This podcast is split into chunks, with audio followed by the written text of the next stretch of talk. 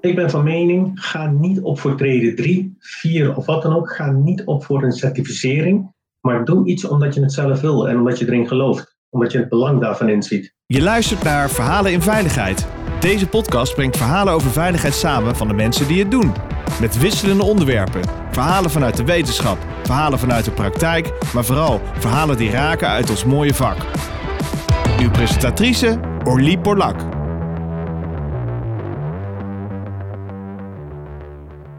Welkom luisteraars, het is weer tijd voor een mooie podcast. Ik zit in de studio met Faisal Babu.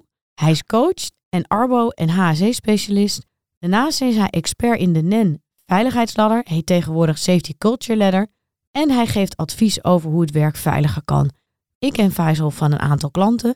Faisal is met name erg goed in het begeleiden van jongens op de vloer, gewoon de mannen die het doen. En daar wil het vandaag eens over hebben. Faisal heeft veel verstand van hoe krijg je nou die veiligheidscultuur ja, in de vaarhaten van de jongens en de dames. En hoe stuur je aan op houding en gedrag? Faisal heeft al meer dan eh, 20 jaar ervaring hierin. En ik vind het dus leuk om eens met Faisal te praten over veiligheidscultuur, veiligheidsladder, het halen van treden 3. Maar vooral over hoe doe je dat nou en hoe accepteren ze nou al die veranderingen. Faisal, welkom.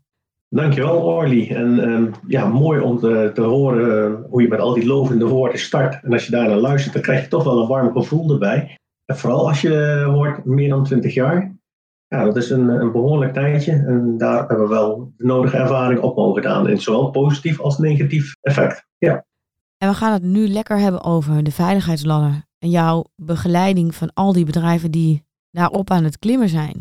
Neem ons, mij en de luisteraars een beetje mee wat je zoal tegenkomt.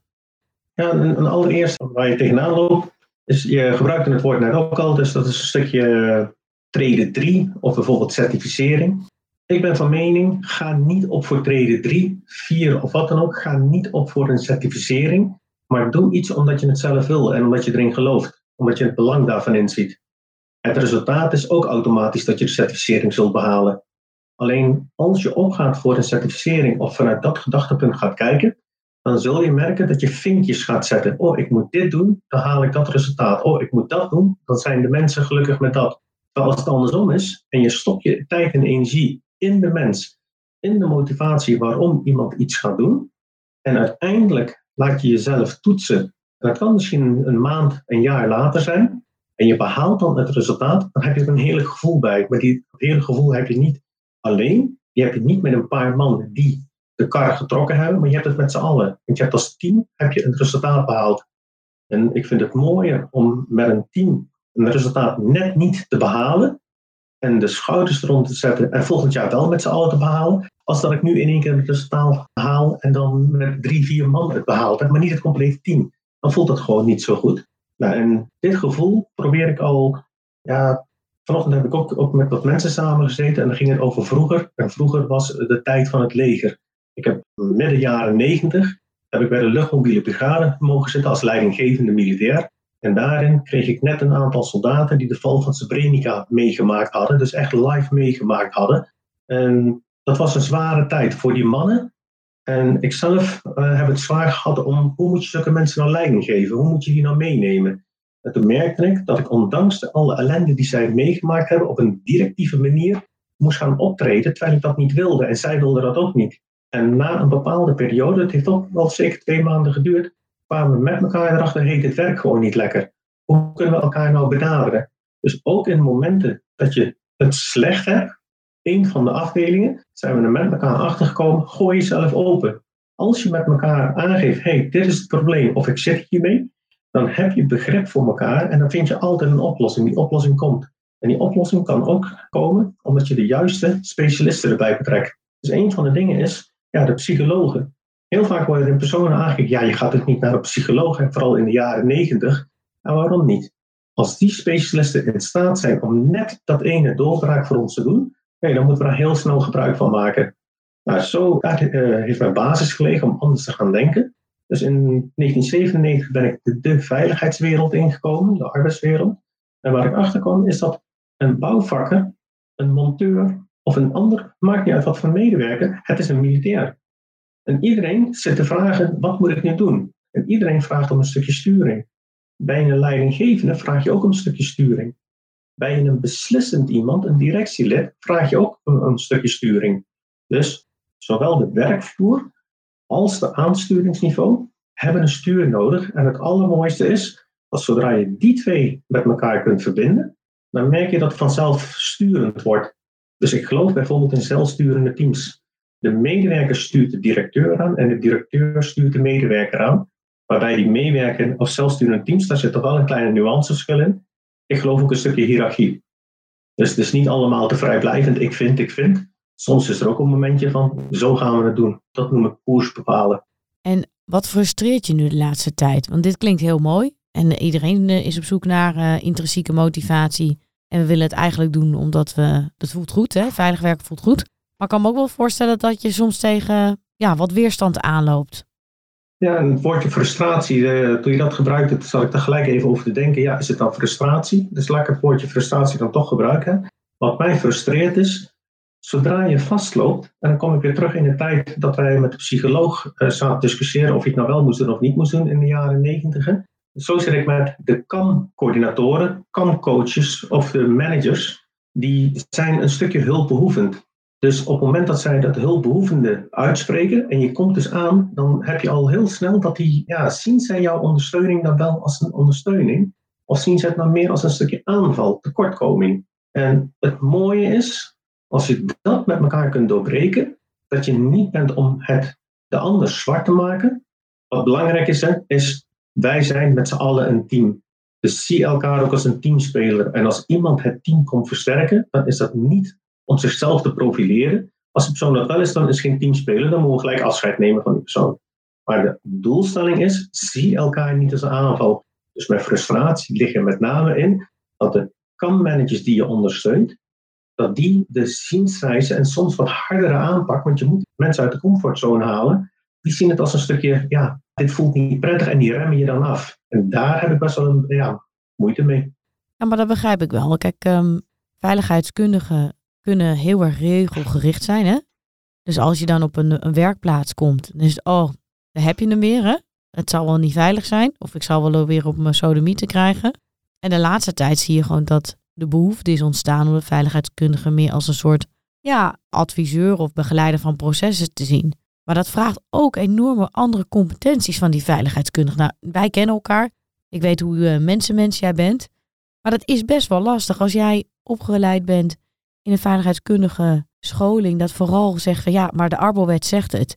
En je moet je er gewoon aan houden. En je gaat op die manier naar de werkplaats. Ik kan me best voorstellen dat je af en toe harde woorden vallen. Ja, en als je voor jezelf dan bedenken, laat hetgeen wat je geleerd hebt of wat je wil, durf het ook eens los te laten en durf eens naar jou als persoon te kijken. Dus niet van, oh, ik heb geleerd om dit en dat, maar ik pak heel veel thuissituaties, pak ik als voorbeeld. Wat doe je nu met een kind die niet helemaal wil luisteren? En dan praat ik over bijvoorbeeld van, ehm, blijf bij me lopen, want voor je het weet lig je onder de auto. Nee, let op, let op. Alleen nu loop ik bij de drukke straat. Ga je dan nog steeds dezelfde woorden gebruiken? En ga je dan ook de houding hebben, wie niet, wie niet horen wil, die moet maar voelen. Laat maar een auto aanrijden. Of is het afhankelijk van de situatie waarin je zit? Dus in het geval dat je je privé-situatie als voorbeeld aanhaalt, dan zul je zien dat het heel makkelijk is om in één keer met elkaar mee te kunnen praten en ook een beslissing te durven nemen die afwijkend kan zijn van normaal. En veel mensen denken, je moet je privé-situatie niet vergelijken met werk, want dat is niet zo. En in mijn beleving ligt daar het verschil die het kan maken mijn privé en werk is niet verschillend. Dus op het moment dat ik zie dat iemand vast dreigt te lopen, dan vraag ik wat zou je nou doen als je thuis zou zitten in een exacte situatie. En het zouden jouw kinderen zijn, of het zou jouw moeder zijn die daar zo aan het werk is of rondloopt. Wat zou je doen? Waarom zou je nu daarover discussiëren? Want je hebt de beslissing heb je al genomen. En dan is ja, maar dit is niet mijn bedrijf. Ja, en ik beslis niet, hé, binnen dit bedrijf hebben we met elkaar afgesproken dat we het samen gaan doen. Dus de baas zal alleen blij zijn met je beslissing, maar hij moet wel verantwoord zijn. Dus op het moment dat je een foute beslissing hebt genomen, en de bedrijven waar ik voor wil werken, want als ik niet zo erin zit, dan werk ik niet voor ze, die moeten wel erin zitten dat fouten gemaakt mogen worden. Sterker nog, als iemand een fout maakt, dan is dat een cadeau om te leren. Ja, en het is ook een beetje, nou ja, wat papa en mama doen, wordt toch wel nagedaan. Juist. Het zit automatisch in het stukje voorbeeldgedrag. Waarbij papa en mama rustig ook een keertje de boefje mogen zijn. Hè? Dus de ideale ouder, ja, die geloof ik dat die bestaan. Maar ik ben niet op zoek naar de ideale ouder. Maar wel een die het goede voorbeeld geeft. Die de juiste normen en waarden geeft. Maar die ook wel eens af en toe boos mag worden op elkaar. Maar daarbij, en daar draait het op, belonen. Het is zo makkelijk om te zeggen, nou, dat ziet er goed uit. Hey, dat heb je goed gedaan. Of een simpel duimpje omhoog. En hoe kijk je nou aan tegen die enorme druk die ontstaan is om maar een bepaalde treden te halen? Ik had toevallig uh, vanochtend een uh, podcast met een, uh, een filosoof, Daan Pakenaat. En we hebben het de hele tijd ook gehad over, ja, alles moet tegenwoordig maar 100% goed. En als het niet 100% goed is, dan hebben we gefaald. Dan schamen we ons dood. En dan moeten er allemaal nieuwe regels bij komen. En dan moeten er allerlei nieuwe verantwoordingssystemen bij komen. En zo zie ik het ook een beetje met die veiligheidsladder. Als ik een meting doe, en we haak straks in als je het herkent, dan is het eerste wat ze willen horen sowieso het cijfer. En daarna pas weten waar ze op kunnen ontwikkelen. En daarna ontstaat er vaak een enorme discussie over de manier waarop het is gemeten, de vragen die gesteld zijn, of ze wel of niet relevant waren voor hun. Er ontstaat een soort onderhandeling. En die druk om een bepaalde treden te halen of een bepaald niveau te halen is zo immens groot. Dat ik soms denk, joh, volgens mij gaat het helemaal niet meer om jezelf. Om wie wil jij nou zijn? Hoe wil jij nou werken met veiligheid? Wanneer ben je tevreden over jezelf? Ik ben heel benieuwd hoe jij dat ziet. Nou, ik, ik vind juist het mooie vanuit de safety culture ladder, veiligheidsladder, als, als ik daar nu naar kijk, want daar zijn best wel discussies over. En ook, ook ik mag voor een organisatie werken. Het heeft pak een beetje een maand of drie geduurd voordat de uitslag van hun audit definitief bekend is geworden.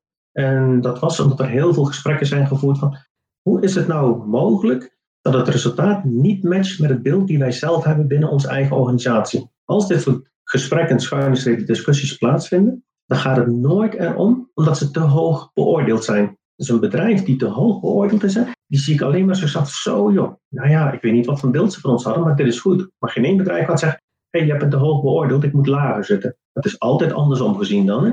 Nou, ook in dit bedrijf, waar ik dat heb, is gediscussieerd of de auditoren het vak wel verstaan, dat is één. Dat is bij mij gelijk, wie ben jij om te oordelen over die auditoren? Die zijn gekwalificeerd, die voldoen aan bepaalde eisen voordat zij dat soort werk mogen gaan uitvoeren. Het is niet zomaar iemand van school geplukt. Dan een tweede, dan gaan we kijken, ja, maar het systeem is niet op maat gemaakt voor ons. Dan ben je vinkjes aan het bekijken.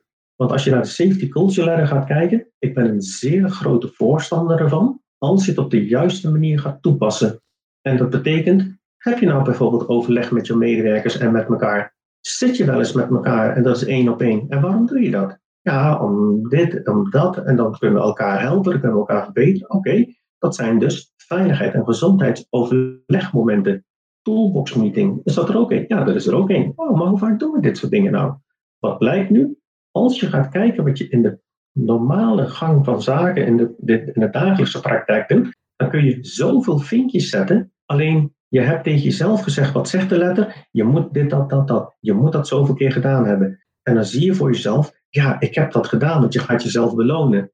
Alleen de auditor kijkt niet naar het vinkje. Die kijkt, die luistert en die proeft wat de beleving is. Zodra de beleving die die ziet en waarneemt, en er worden een aantal symptomen worden daarvoor ingezet, zodra die niet matchen met elkaar, dan kun je dat vinkje, dat hoofdvinkje niet halen. Dus mag jij nou een onvoldoende halen, dat is het mooie van de safety culture ladder ook. Je mag zeker een onvoldoende halen op een aantal punten. En dan kun je nog steeds, als totaalscore, kun je die voldoende halen. Dus het gaat er niet om dat je de maximale score haalt. Maar wat je wel moet doen met elkaar, is zo hoog mogelijk inzetten in het belang van de organisatie. En daarmee bedoel ik niet dat je moet gaan voor een team. Maar ik bedoel, je moet zoveel communiceren met elkaar dat het genoeg is. En genoeg bedoel ik mee, niet te weinig, maar ook niet te veel. Want een heel ja, een veelgehoorde iets waar mijn haren toch wel bij overeind gaan staan, misschien ook een stukje frustratie, is we moeten meer communiceren. En wat ik zeg is, we moeten minder communiceren. Je legt eens uit. Als onze, als onze regels, de basis, de normen en waarden helder zijn, dan weten we allemaal, dit zijn de grenzen.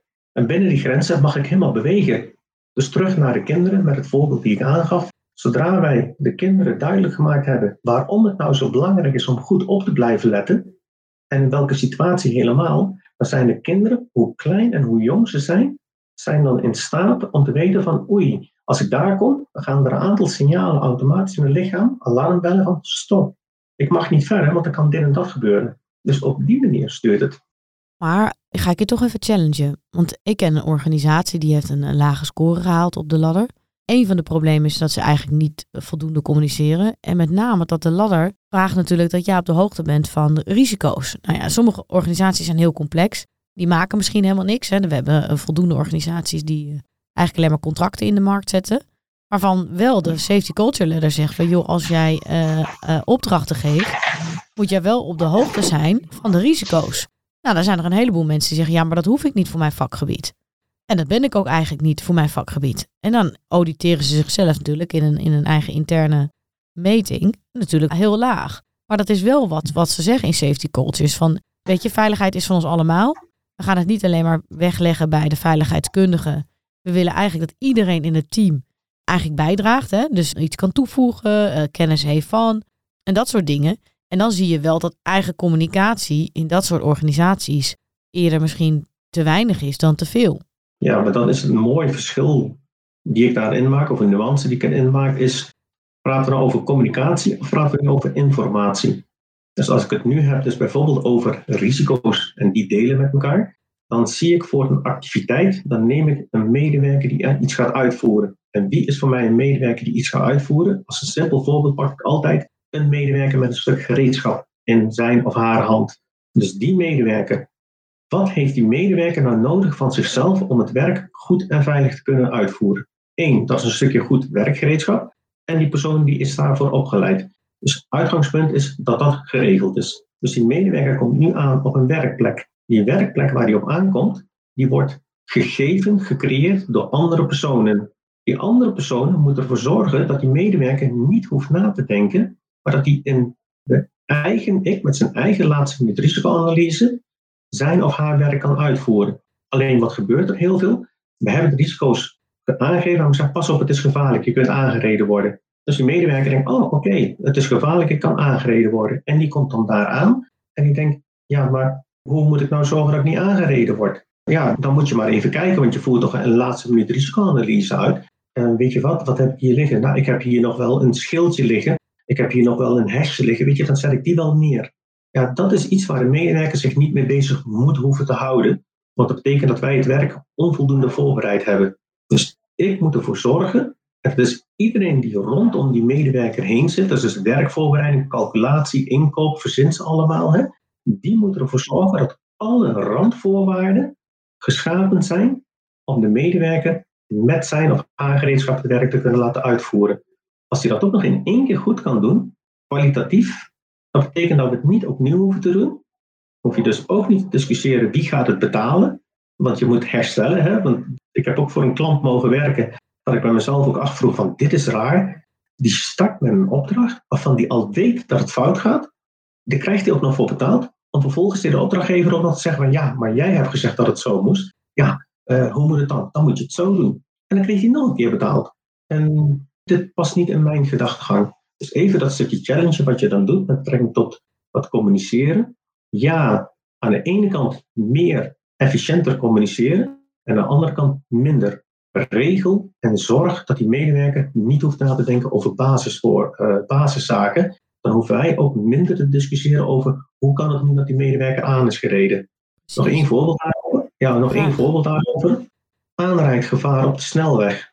Ik, hoor heel Nederland hoor ik vol lof over dat de A12 afgesloten is en dat het toch kan. Dus de werkzaamheden uitvoeren met gehele afsluiting. Maar hebben we echt zo goed gedaan?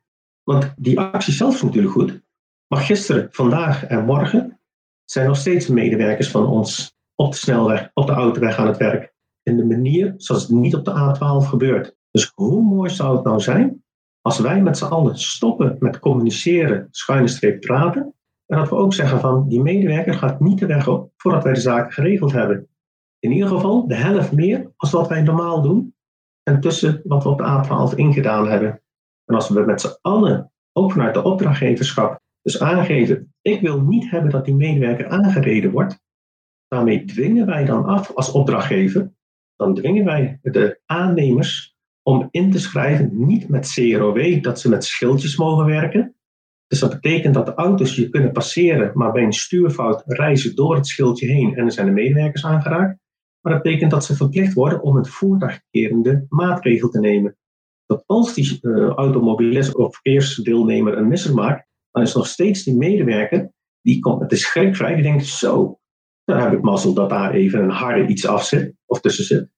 Dus ik vind dat we daar veel meer energie in moeten stoppen. Maar is dat ook een beetje jouw visie op cultuur? Ja, ja oké. Ik zeg ja, maar hoe bedoel je het? Nou, eigenlijk dat je gewoon veel meer nadenkt op de voorgrond over hoe je dingen gaat organiseren. En probeert eigenlijk uh, de verantwoordelijkheden bij degene te houden die het vakmanschap heeft. En niet iemand verantwoordelijk maken ook voor eigenlijk uh, werkinzichten die die persoon misschien helemaal niet heeft. Want het voorbeeld wat je gaf is, we zetten die man of vrouw zetten we gewoon in dat vak. En die kan op dat moment niets meer aan zijn werkomgeving doen. Als je hem zo zet, dan, dan kijk ik precies hetzelfde naar. Want ik ben van mening dat je in het voortraject dat kan doen. Ik werk veel vanuit de opdrachtgeverschap, dat is nu op dit moment ook. En ik werk ook aan de kant van de aannemer. En het leuke is dat ik zelfs zelfs op projecten zit, dat ik aan beide kanten uh, mag gaan zitten. Dus dan hoor ik aan de ene kant, ja, maar het is niet realiseerbaar. En aan de andere kant hoor ik, ja, maar dat is niet realiseerbaar. En wat ik hun dan ook moet aangeven, realiseer je dat ik op allebei de stoelen zit. En dat ik dus hetgeen wat jullie zeggen dat niet realiseerbaar is, ik het mezelf opleg om het te laten realiseren. En achteraf gaan we zeggen dat het nog kan. Wat we niet verwacht hadden. En het leuke is, dit wat ik nu doe, ik, ik noem de naam altijd Peter Lapidaire, dat is een van mijn oude projectdirecteuren. Uh, bij de PAN was dat op een mooi groot project. En hij heeft op een gegeven moment gezegd, ik heb je wel eens horen praten over veiligheid. Hij zegt van, en je denkt en praat hetzelfde als ik, zullen we het samen doen? Zullen we samen eens dit project gaan maken? En hij heeft toen gevraagd of ik op zijn project wilde komen. En het enige wat wij gedaan hebben, is we hebben leuke dingen gedaan. We hebben andere mensen geenthousiasmeerd. En dan praat je toch over een project van meer dan 250 miljoen. Waarbij we met z'n allen heel veel winst hebben gemaakt. Waarbij de opdrachtgever ook nog blij was om te betalen. Omdat hetgeen wat hij betaalde, waren wij dus sneller. Dus wij zijn beloond omdat we sneller opgeleverd hebben. En omdat we maar 0,8 FTE verzuimongeval hadden op anderhalf miljoen gewerkte uren. Was toen tijd was dat extreem hoog. Dat werd alleen in de petrochemie werd gehaald. En we hebben daar niet mensen, wat er wel eens wordt geroepen, hè, een functie gegeven van hier heb je een telefoon, uh, die moet je beantwoorden. En zit hij zo met twee gebroken benen, zit hij daar achter de telefoon. En dat soort onzin hebben wij gewoon niet meegedaan. Maar als je met veiligheid bezig bent en je regelt het goed aan de voorkant, dan zul je merken dat het aan de voorkant veel meer energie gaat kosten. Je gaat ook veel meer ellende krijgen aan de voorkant. Maar tijdens je uitvoering verdien je dat dubbel en dwars terug. Dankjewel voor deze mooie wijze woorden. En ik vind het ook een hele mooie afsluiter van deze podcast. Graag gedaan. Dankjewel dat ik mijn verhaal uh, zo mocht delen. Dit is voor mij helemaal nieuws, zoals ik je in het begin, uh, of voordat we het starten, heb, heb aangegeven. Het was heerlijk om te doen, dus dankjewel daarvoor. Graag gedaan.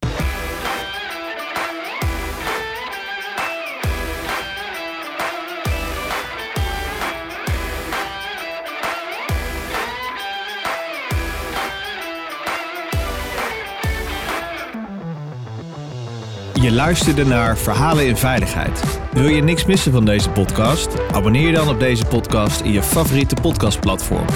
Of laat een recensie achter via Apple Podcast. Dank voor het luisteren. Graag tot de volgende.